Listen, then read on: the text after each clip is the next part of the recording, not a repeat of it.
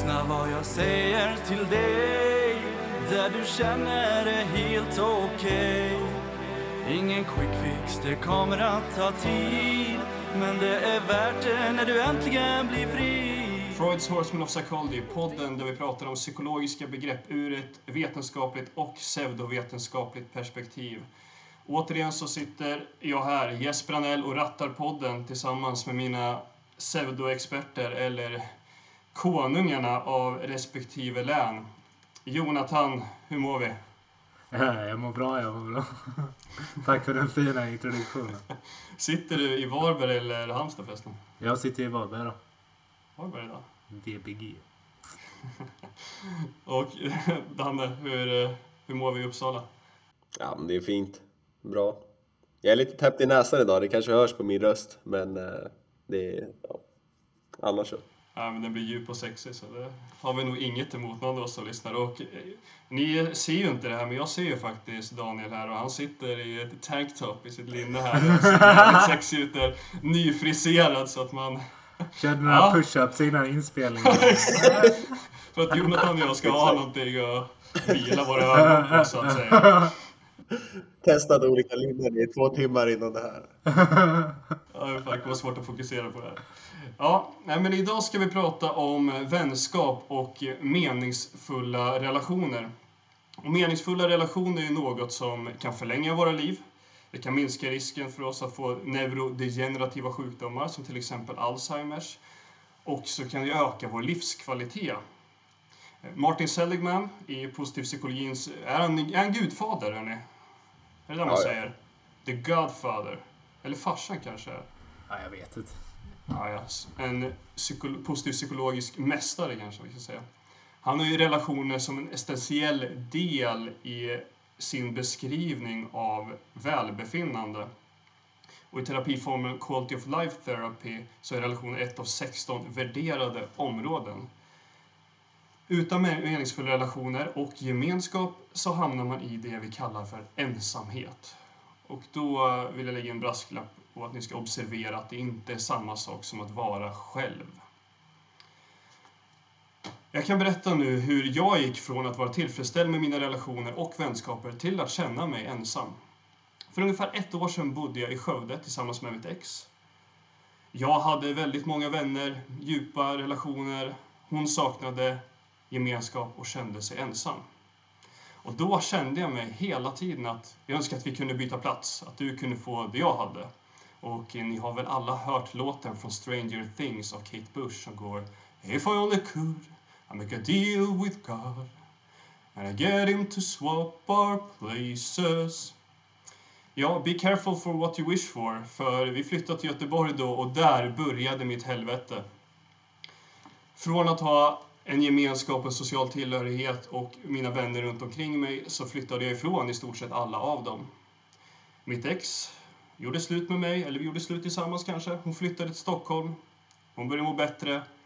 Men jag saknade hela tiden någonting i form av djupare relationer som fanns där på plats. På mitt jobb så hade jag knappt någon som var nära kollega som hade samma position som mig. Och de som var runt omkring mig hade, ja, de var 10 år äldre minst, eller 15 år. De hade sin familj, de hade sina relationer, så det var svårt liksom att liksom ta sig in någonstans. Och då ska vi inte förringa min kompis Alex som fanns där också, gjorde sitt bästa. Men där fick man bara ytliga relationer och några som man kunde fästa med, inte det här djupet på riktigt. Men djupa relationer har jag ju faktiskt alltid haft, fast de har varit väldigt, vad ska man säga, långt ifrån mig, på distans. Daniel och Jonathan här har ju alltid känt som att det, det är någonting mer. Det är mina, ja, vad ska jag säga, inte mest meningsfulla, men eh, de finns på den högsta nivån av meningsfulla relationer. Ni vet mina demoner och mina spöken och ni accepterar mig ändå. Det är ju det man vill ha. Men det är ju svårt liksom. Man känner att man har så bra kompisar som er på distans och ändå känner man att ja, det räcker inte. Jag har ingen här nära mig utan jag känner mig fortfarande ensam i vardagen. Hur kommer det sig? Varför kan jag känna så? Alltså jag tänker er? att eh, det är ju ändå någonting med, med, som du säger, vardagen. Jag tycker att du är inne på det. Man vill ha folk eh, i närheten. Alltså, för det är så mycket små grejer eh, som eh, hjälper. Alltså så mycket små grejer som bygger upp eh, som bygger upp en.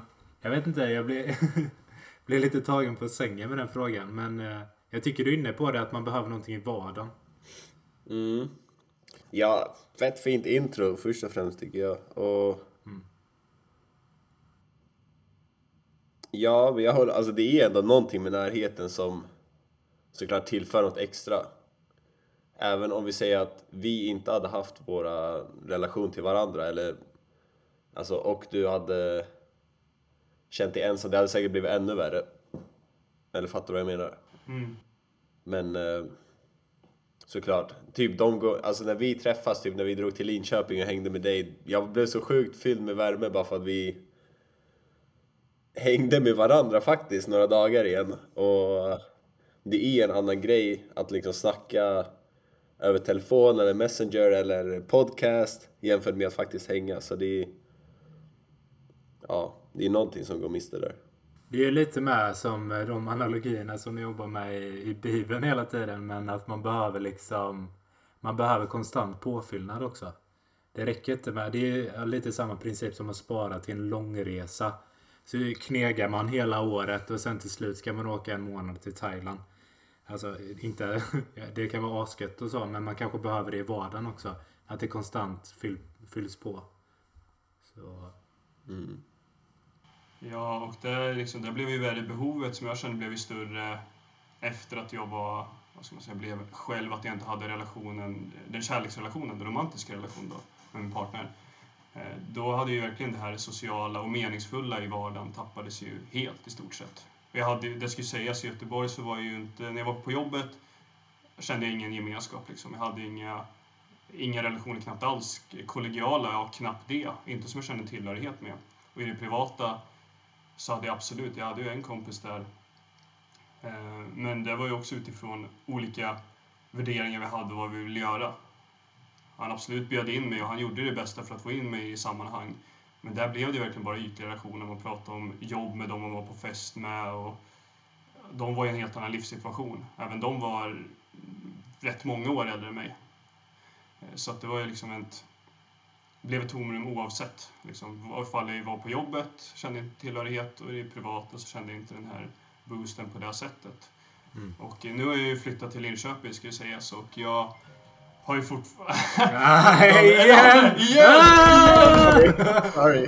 oj, oj, oj. Viktig Han har satt larm på att visa. Hej, jag pissar på er.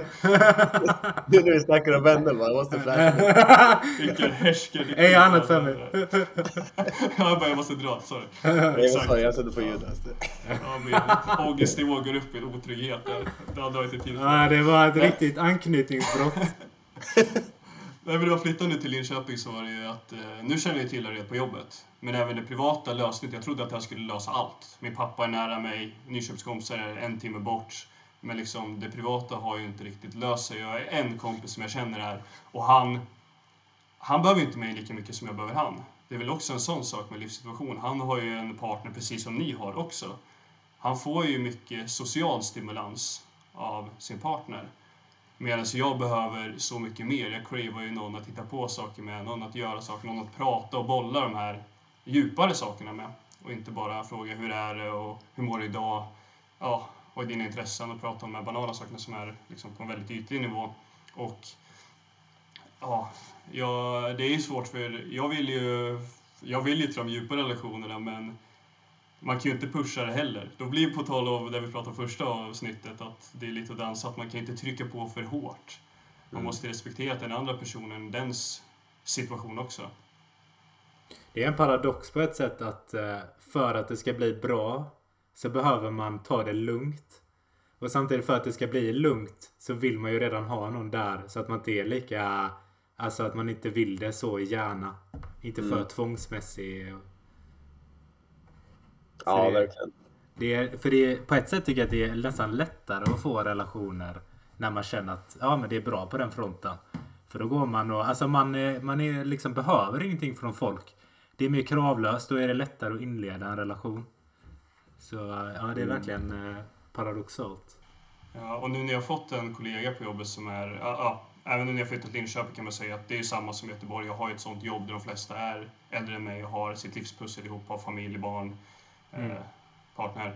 Och nu har det börjat som är också som jag, singel, två år yngre. Eh, och då känner man, ja ah, men här skulle det kunna bli något, här kanske jag kan få en kompis. Men även där, och det här är en tjej ska sägas. Och då vill jag, jag vill bli kompis men samtidigt ska det inte framstå som att jag försöker ragga. Utan jag vill ju Mm. bara ha sociala relationer och få något meningsfullt och djupare. Mm. Utan man är svältfödd på det. Så även där är jag bara, okej, nej, nej, nej. Det går inte för fort fram. Utan, eh, det finns ju några, jag vet inte, har ni hört talas om det? Det här att man pratar om eh, de här antal timmar för att man ska bygga upp vissa nivåer. Att man pratar för att få en här, eh, en hyfsad vänskapsrelation så pratar man om typ 50 timmar eller någonting. Mm. Kvalitetstimmar.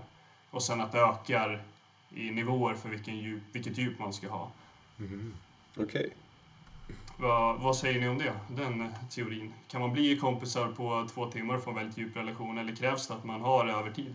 Nej, men jag tror man behöver ha det över tid för att det ska bli något djupare som också är hållbart. Sen tror jag man kan connecta med olika personer mer eller mindre bra över kort tid och hitta mycket gemensamt och, och sådär. Men om det bara har varit typ över en eller två kvällar som man har haft fett kul tillsammans och känner sig som bra vänner så är det nog ändå inte garanterat att det är hållbart. Så. Men Uh, sorry, bara alltså, utifrån allt du berättar. Jag vet att du är en fett social kille också. Så det är också svårt för dig att fylla alla dina sociala behov. Särskilt när du bor i en ny stad, du har gjort slut med ditt ex och dina närmaste vänner bor inte där. Alltså det, det krävs ganska mycket för att... Eller du har liksom ett stort socialt behov och batteri. Så Precis, jag tror att jag är större än, eh, ja, vad ska man säga, jag är mer extrovert lagd än introvert och vissa kanske Mm. räcker med de här små träffarna någon gång i veckan. Mm, Eller kanske att prata via telefon eller skriva. Det kanske räcker för vissa men ja, har man ett större behov så blir det ju ännu, mer, ännu svårare att tillfredsställa Mm. det. Det känns mer som att eh, alltså det är mycket handlar om, inte bara socialt, utan känslomässigt också. Och där är det klart också kontraster. För jag tänker om, eh, som, om ditt ex har fyllt, eh, då- hon har hjälpt dig känslomässigt mycket. Så det, då har hon tagit många stolar på det. Kanske stolar som vänner har haft, familj. Kanske som du har hjälpt dig själv också. Så att det blir också en väldigt stark eh, kontrast för dig, tänker jag, i, när, de, eh, när hon försvinner också. Det är ett tomrum och ett hål. Ja, jag tror alltså det. Man kan ju prata om behov för att eh, det är inte bara ja, men en vän eller en person försvinner, nu ska en annan person vara där. Utan det är man har olika behov som uppfylls på olika sätt. Och det kan vara, jag tror att det är absolut, det kan vara andra personer. Ibland är det saker man gör som fyller vissa behov. Ibland är det egna strategier man har för att hantera. Eh, så för jag tycker att det kan nästan bli så ibland när man går in i en relation att eh, eller om man är mycket med vänner och sånt, att man kanske blir sämre på att hantera känslorna själv också. Sen är det ju en öppen fråga, hur är det bäst att hantera känslorna? Och det är väl olika. Ja. Men vet, du tänker att alltså, om man går in i en relation så börjar man hantera känslorna mer tillsammans i relationen. Och, Ja, jag tänker att det skulle kunna vara en grej. Ja. Så säg typ, Mm. jag har ångest efter jobbet. I vanliga fall kanske jag sätter mig och skriver dagbok. Eller jag kanske, vad heter det, omformuleringar, jobbar med det. Mm. Eh, men sen eh, om, det, om jag blir tillsammans med någon så kanske det blir mer naturligt att jag bara pratar med den personen om det. Och Just blir det. reflekterad. Och, Mm. Ja, det där är fett rimligt. så det är Ja, många aspekter. av- Ja, Ja, vad sa du?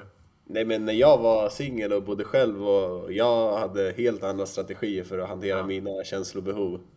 Ja. Typ fett mycket skrivande och meditation och sådär och nu Ja men nu när jag är i ett förhållande är det mer naturligt att bara snacka om det och lösa det på så sätt och då Ja men det är verkligen en tydlig kontrast där hur, hur jag hanterar mina emotionella behov i alla fall.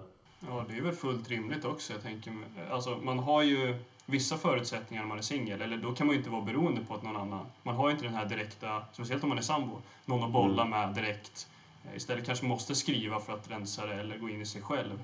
Mm. Speciellt verkligen om man inte känner att man har, vill belasta sina kompisar, sina vänner med sina problem. Eh, Jag känner ju själv att jag hade ju väldigt bra relation där jag kunde Jag kände mig inte som en tyngd för min partner när jag belastade, kom hem, tjatade om saker, eller tjatade, eh, utan klagade på saker och även hade ja, mina panikångestattacker till och med. Eller alla liksom negativa tankar man hade. Men nu efter så är det ju mer att jag vill ju inte ringa mina vänner på samma sätt. Nej. Och belasta. Och även där så finns det bara en liten klick. Jag skulle ens kunna göra det med ni två bland annat. Att det har man ju verkligen inte med alla. Att jag kan ringa vilken som helst av dem jag känner eller kompis Mm. och prata om vad som helst. Utan det finns ju någon typ av spärr där. I alla fall, i alla fall för mig. Jag vet inte hur ni känner kring det. Jo men verkligen. Alltså, jag tror att... eh, Men det är också intressant för att vad som händer då. Som för dig tänker jag att när du eh, gjorde slut då. Så blir det att du provar också de vänskaperna du redan har. Provar dem på ett nytt sätt. Eh, Och det kan ju vara... Jag tror att det kanske är lättare för dig nu. Än precis när du började mer med det. Alltså jag tänker på... Eh, och du kanske inte alls håller med så du får säga till. Men till exempel nu att du, du ringde mig lite mer när du var i Göteborg och så. Och vi pratade på ett sätt som... Vi har ju snackat så innan. Men det är kanske mer ofta och så. Så att det är också... Det är det som är... Och jag menar inte att vara polyana eller för positiv kring det. Men det är också intressant vad som händer med andra relationer. Om man vågar prova dem. När andra... Alltså det blir ett helt nytt system. Du har behov som inte uppfylls. Nu behöver du prova nya sätt. Och det kan göra att andra relationer växer mycket också. För att de behöver göra det. Ja, ja, men, men absolut. Jag tror också att det ger utrymme. Jag skulle absolut säga att som det blir också, för att man lägger ju så mycket tid och kraft i en partnerrelation där man bor tillsammans med, speciellt ifall det är en samborelation så är det verkligen Mm. varje dag så fort båda är hemma. Eh, Så då är det ju, man har inte så mycket tid och kraft att lägga på andra och inte, ja, inte den tiden som man har en singel. Jag skulle absolut säga att mina vänskapsrelationer, många av dem har, är bättre idag än under de två och ett halvt, tre åren som jag var i en relation. Mm. Men det är klart man testar det på sätt och det blir mer, jag känner mer skam, speciellt i Göteborg. Men där var ju, Göteborg var mitt helvete, så var det bara. Mm. Då behövde jag verkligen ringa andra för att inte gå under. Så behövde jag ju testa de gränserna eller släppa den skammen eller ja, liknande. Ja, jag ska verkligen... Eh, jag kan verkligen hålla med dig om att... Eh, för så hade jag det i Örebro med. Då flyttade jag också till en helt ny stad, kände ingen och så. Och då kände jag ofta så här impulser med att ringa vänner. Alltså till exempel er och så. Men det kan ju vara ett motstånd då om jag inte har gjort det mycket och bara... Fan, hur kommer det här tas emot? Är det konstigt att jag gör det? Känns det som att jag driver på vår relation och tar den till en nivå som kanske inte ni är bekväma med? Så att det, det är mycket tankar kring det. Ja, och det har väl med anknytning att göra också. ja, det är klart. Nej men jag håller med, alltså... Ja, vad ska jag säga? Är det press på att du ska leverera det största visdomen? Ja, kom igen. Kom igen nu Daniel, alla sitter och... Alla väntar. Vi laddar. Get them boy!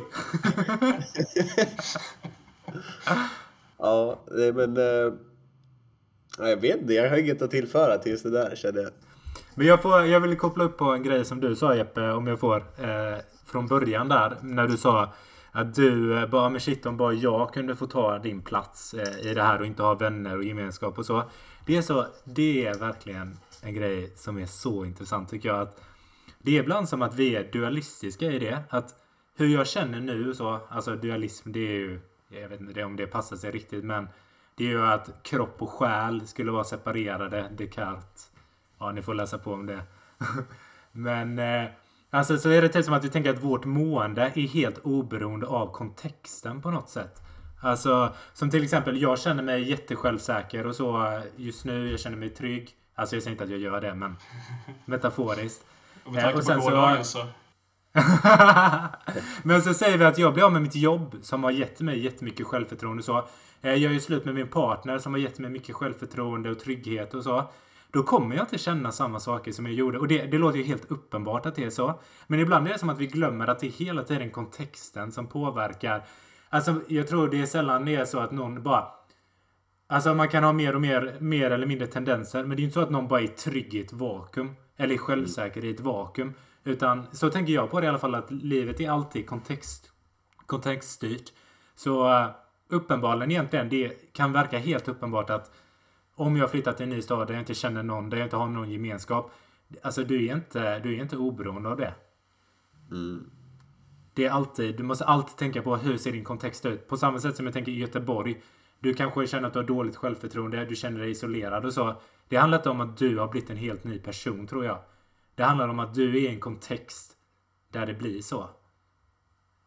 Ja, Det verkligen. låter, det låter trivialt men jag tror det är lätt att glömma. Ja, det tror jag också för att vi vill ju vi vill ju överföra det. Vi vill ju tro att det är stabilt, att det inte är dynamiskt, att det inte fluktuerar. Speciellt Ja. i det positiva. Då tror man att jag kan ta över vad som helst, som du säger, självförtroende. Mm. Eh, om man har haft ett, alltså, varit bra på sitt jobb innan, så ska man byta jobb. Om man har jättebra självförtroende, är så duktig på det jag gör. Sen kommer man till en ny kontext. Det fungerar lite annorlunda och så vidare. Det är väl klart som korvspad, tänkte jag säga, om vi inte ska svära, att, att det påverkar. Mm.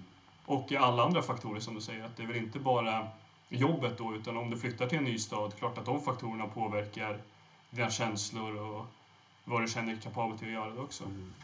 Ja, det är också en vanlig typ cognitive error eller vad man säger som är extra vanlig i depression att om, man, om saker går dåligt och man mår dåligt så förklarar man det med interna faktorer. Ja.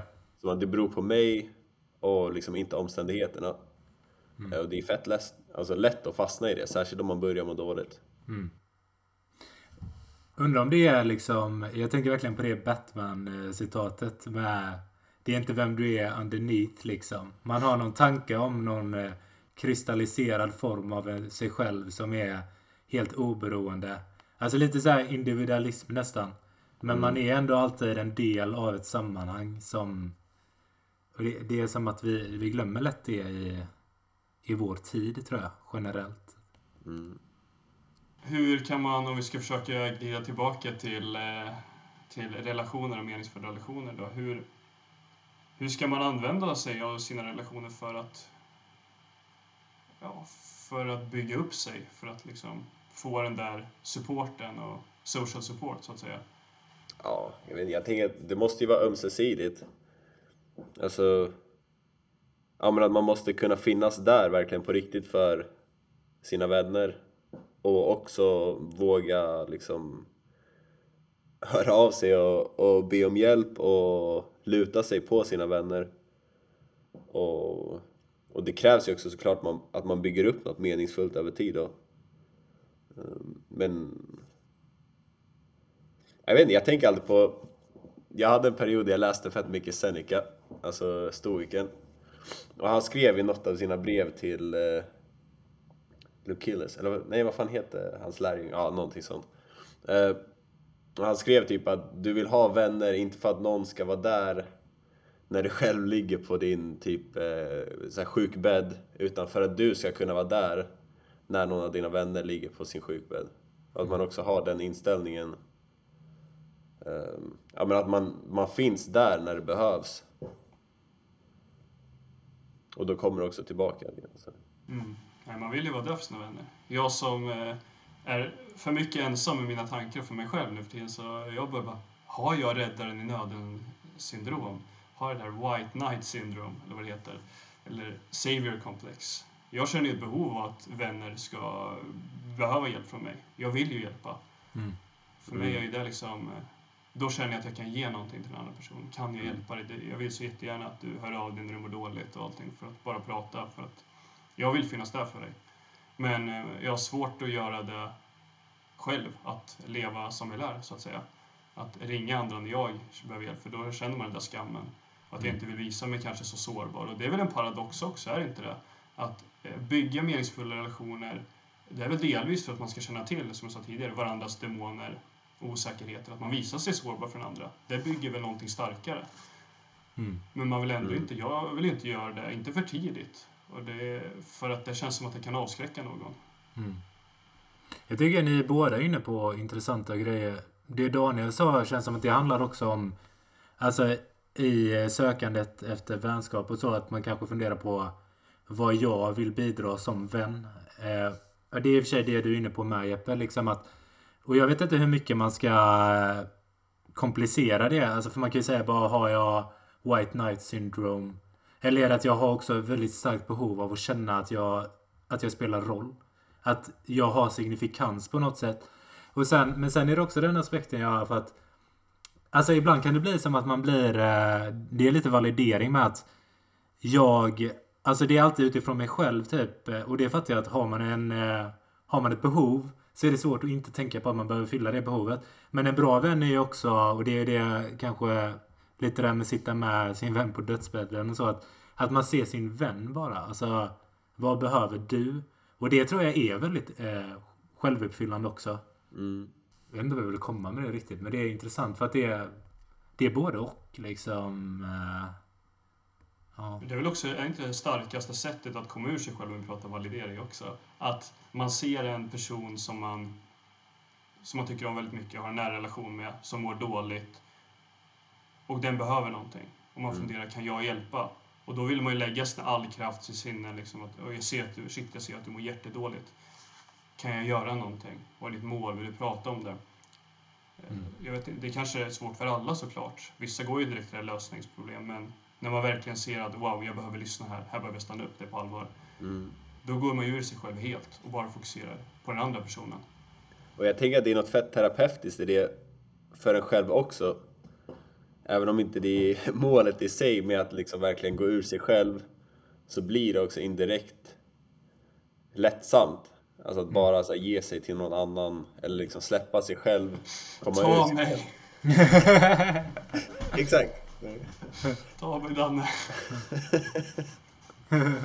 Men jag undrar om inte det är i... ehm, jag vet inte om det är psykodynamiskt, men i alla fall i platonism och sånt så tror jag att det är... eh, Att de, han pratar typ om att man ska ha balanserat eh, sig själv, alltså, inut, alltså inom sig själv. Att man är balanserad där för att kunna gå utom sig själv. Så om jag har eh, väldigt starka behov och så så är det svårt att... eh, Alltså hela världen färgas av att jag ser de behoven. Just det. Eh, Alltså det men om jag då liksom, om jag är tillfredsställd, hyfsat tillfredsställd och så. Då kan jag se utan att bli helt bländad av mina behov. Och då är det lättare att se. Så att det, det. Man bör, det känns som det är väldigt, väldigt viktigt i vänskap och delvis ta, eller så ta, men att man eh, vågar fylla sina behov. Mm. Vågar ringa en vän och så. För det känns också som att det är det som ger möjlighet till att orka ge tillbaka.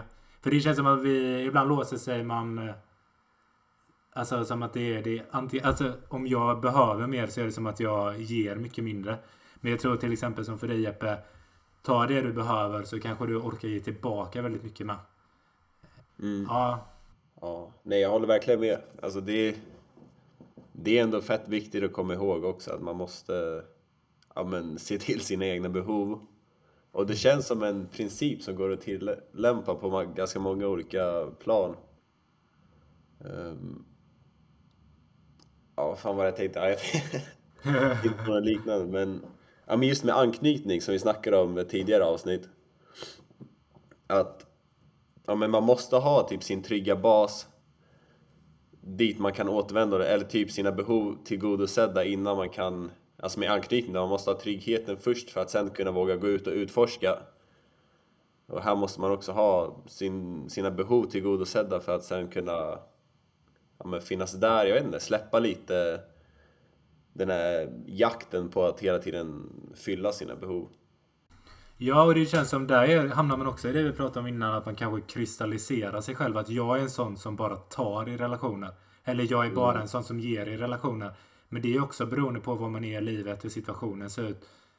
Så säg nu om då Jeppe till exempel hade varit i en mer behovsstadie nu, han behöver mer. Så, och det blir en utmaning för dig Jeppe som alltid är ger liksom. Ja, tack. Snällt sagt. Jag var giver. ja. Nej men det är ju klart, det blir ju... Det är svårt och som du säger, du pratade tidigare om också att man vill ge. Och det kan ju handla om delvis, men, ja, men såklart att jag bryr mig om relationer och vill dö, men också att jag vill ha signifikans. Att om inte jag ger till mina kompisar, eh, vad är jag för värde då? Och det kan ju bli att man har ett synsätt som att det är transaktionellt, att vänskap är transaktionellt. Att jag, utifrån mitt eget perspektiv, att om inte jag ger och hjälper mina vänner, varför tycker de om mig då? Då kan de inte tycka om mig. Varför vill de vara min kompis? Medan jag tänker på er till exempel, jag är ju inte vem är er för vad ni ger mig och delvis. Men jag tycker ju om er som personer. Jag hade ju varit vän med er oavsett om ni gav mig eh, ja, guld och gröna skogar, bekräftelse och materiella ting, än bara hur ni är som personer. Mm.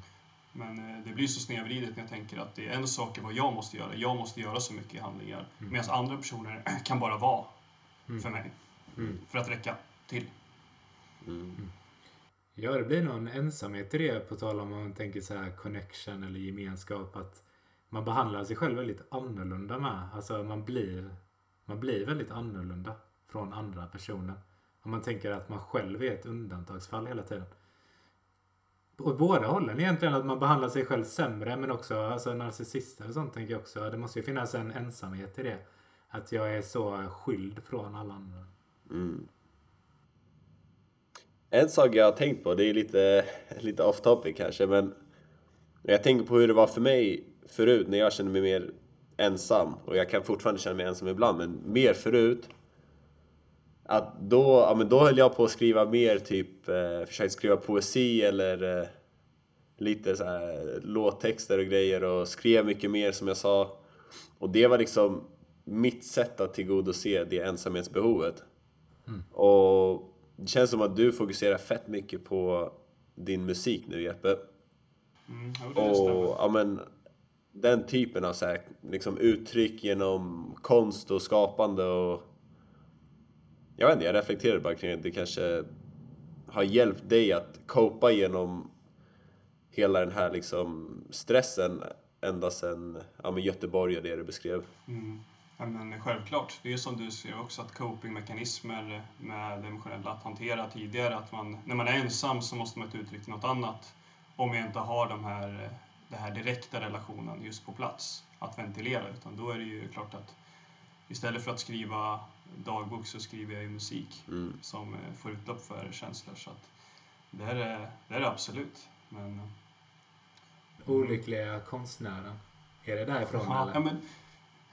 Ja, det, alltså, det är väl liksom... eh, Är det inte så att... Alltså, man är ju lite masochistisk. Jag vet inte, som konstnär är man det. Nu är inte jag en konstnär, men eh, jag gör musik och utifrån maso, alltså, masochist att man, man tycker om att må lite dåligt. För då är man ju, som, då är man ju på peak liksom, Mm. i eh, sitt artisteri. Det är då Ja, jag skriver som bäst texter. Det är så här, man blir så...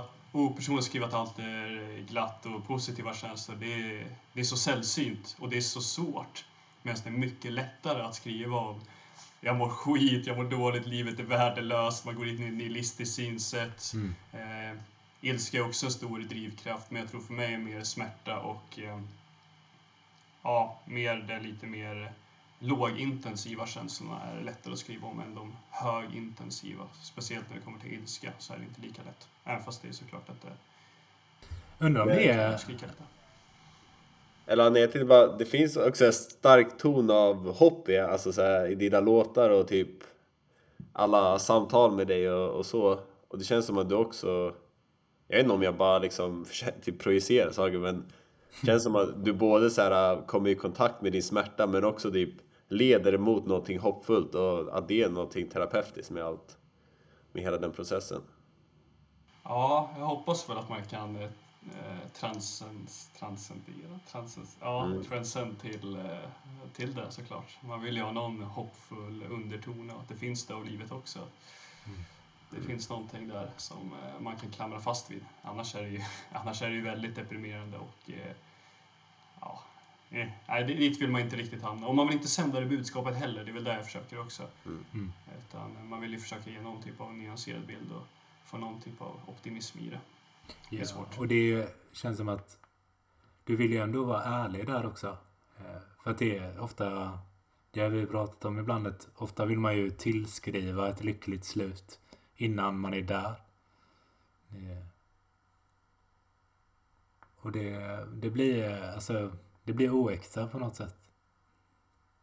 Nu, Ja, alltså, det jag, måste det vara oäkta. Alltså, ja men bara för att det kan ju också vara äkta för en själv att man fortsätter tro att shit, det här kommer ändå bli bättre så här.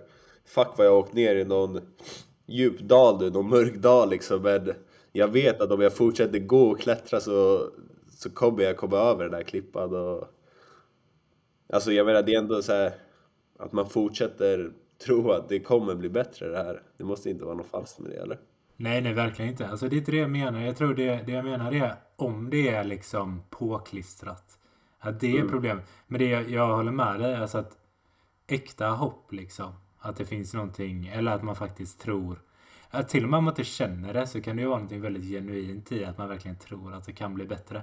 Men jag tror det bara är typ att inte Alltså inte gå händelserna i förväg egentligen. Mm. Om du förstår vad jag menar. Typ att Ja. nu är allting bra. Fast det inte är det. Alltså, för att då blir det på ett Mm. sätt som att man också ger upp. Så det, Ja. det är inte hoppfullt tänker jag. Mm. Ja.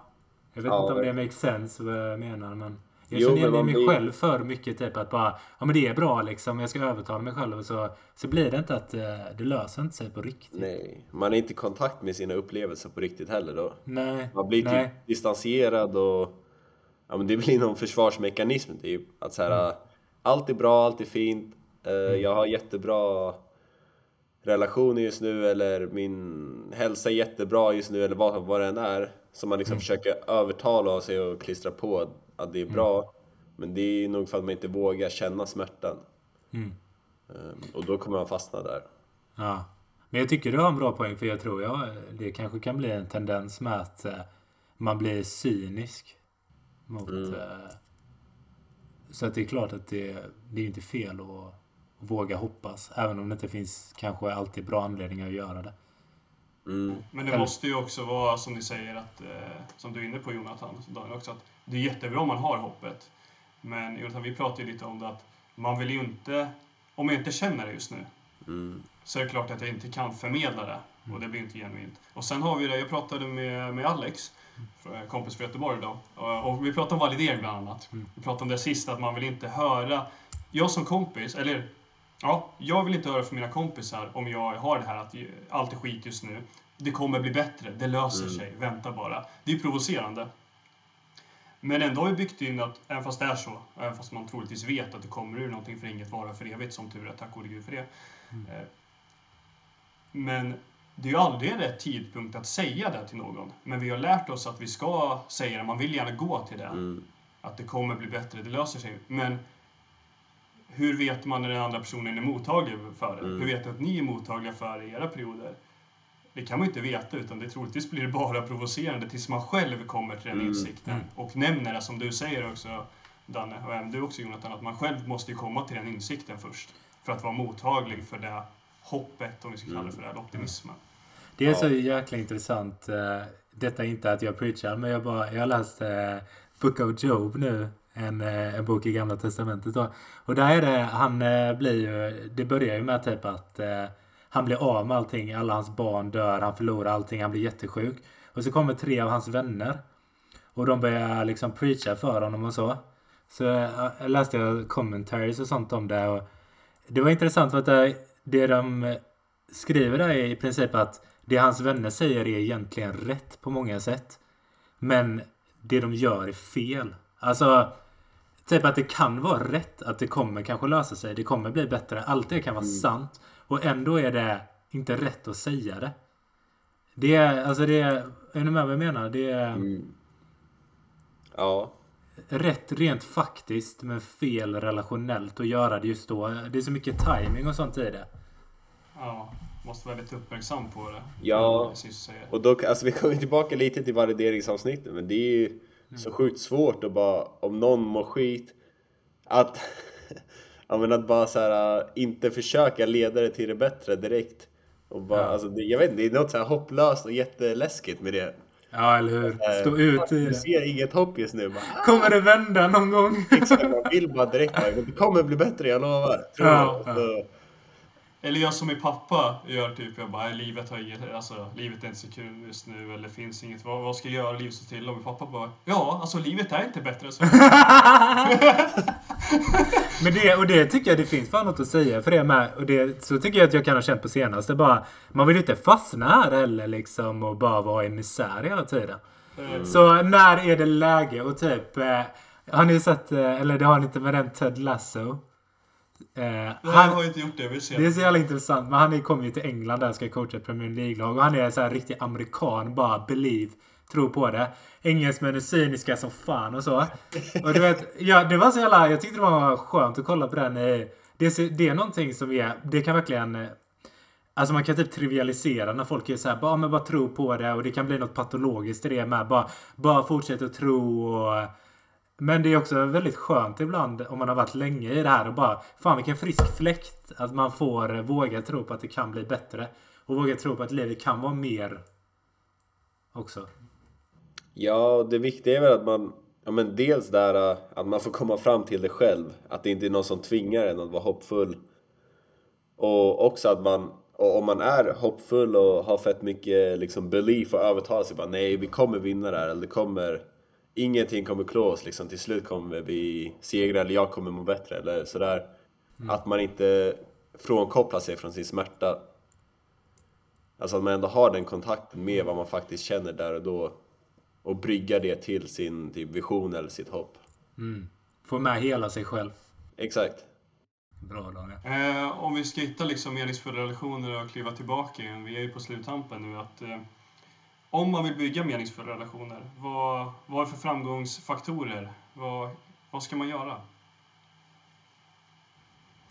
Jag tycker det är fett svårt att bara komma med så här. här är fem strategier för att hitta meningsfulla Validering?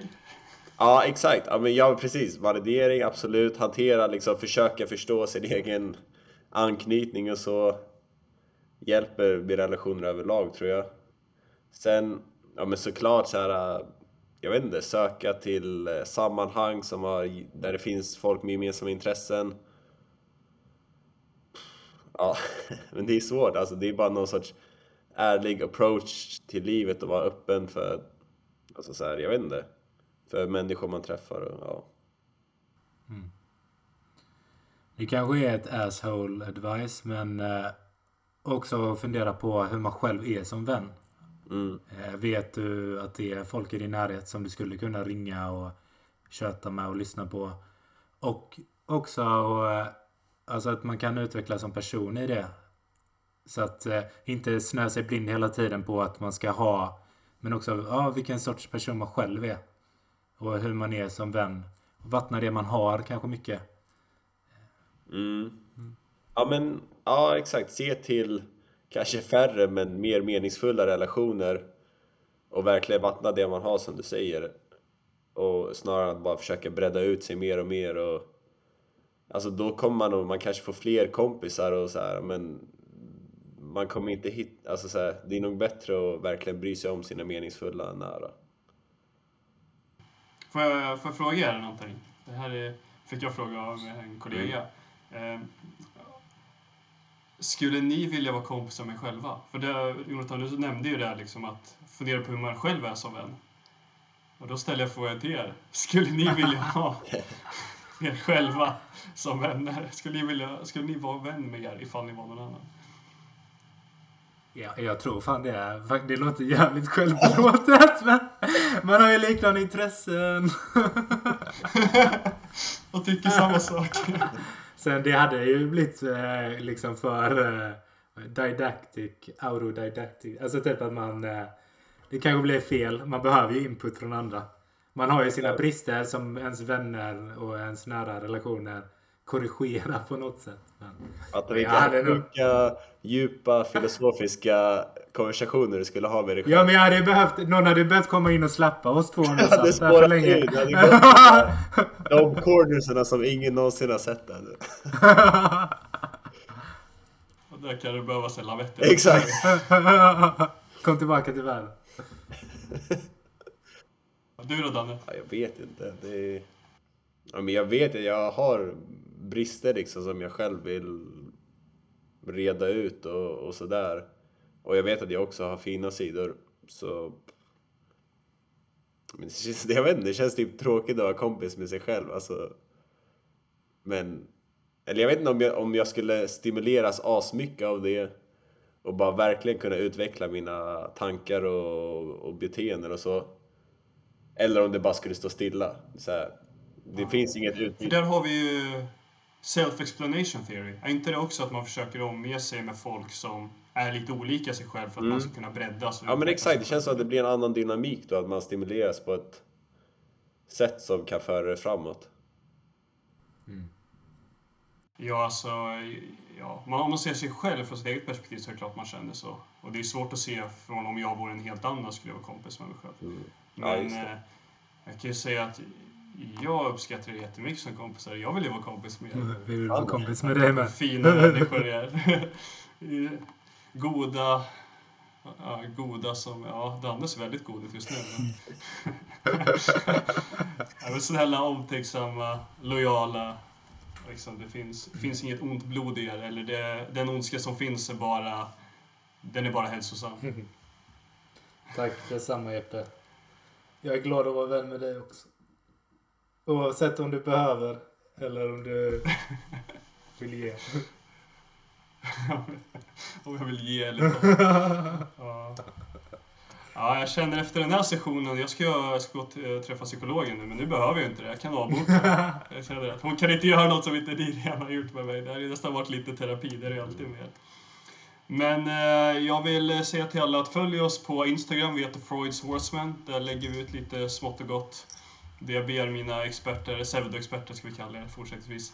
Ni får komma med inputs och lite texter om lite begrepp som validering och meningsfulla relationer och allting. Vi ska försöka göra vårt bästa där. Annars får ni gärna kommentera, skicka till oss era synpunkter, ge oss feedback. Följ podden, ge den betyg på Spotify. Ja, och annars så är det som vanligt. Tack Danne, tack Jonathan. Tack Jesper. Tackar. På Kom igen och passa den vidare så vi blir likare. Vi dansar vidare, livet blir rikare. Och vi blir visare. Ja, ja, jag ser det genom min kikare. Och vi ska fira det. Du min pirat, jag din underlat. Tar ryssarna över är du ändå min kamrat. På straff och så Jevskij Jag tar halva linnet när livet är Messi Låt mig vara din HLR Klättrar över hög